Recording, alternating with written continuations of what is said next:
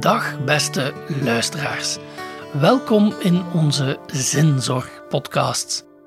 Met deze podcasts willen we graag het debat opentrekken over de plaats van zingeving, spiritualiteit en religie in het onderwijs.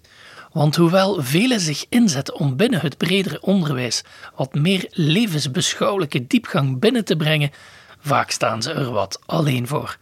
En daar wilden we verandering in brengen.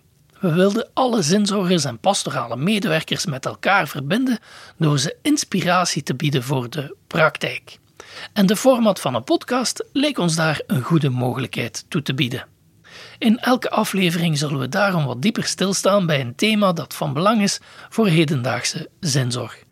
Daarboven zullen we in de show notes van elke aflevering ook meer uitleg en relevante links voorzien rond de best practices die in onze gesprekken aan bod komen.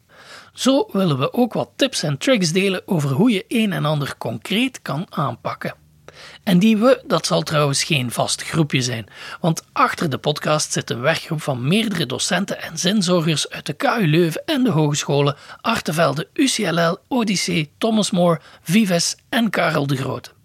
Onze focus zal in eerste instantie dan ook op dat hoger onderwijs liggen, maar we hopen natuurlijk dat de inhoud van onze podcasts ook interessant is voor wie meer betrokken is op de andere lagen van het onderwijs.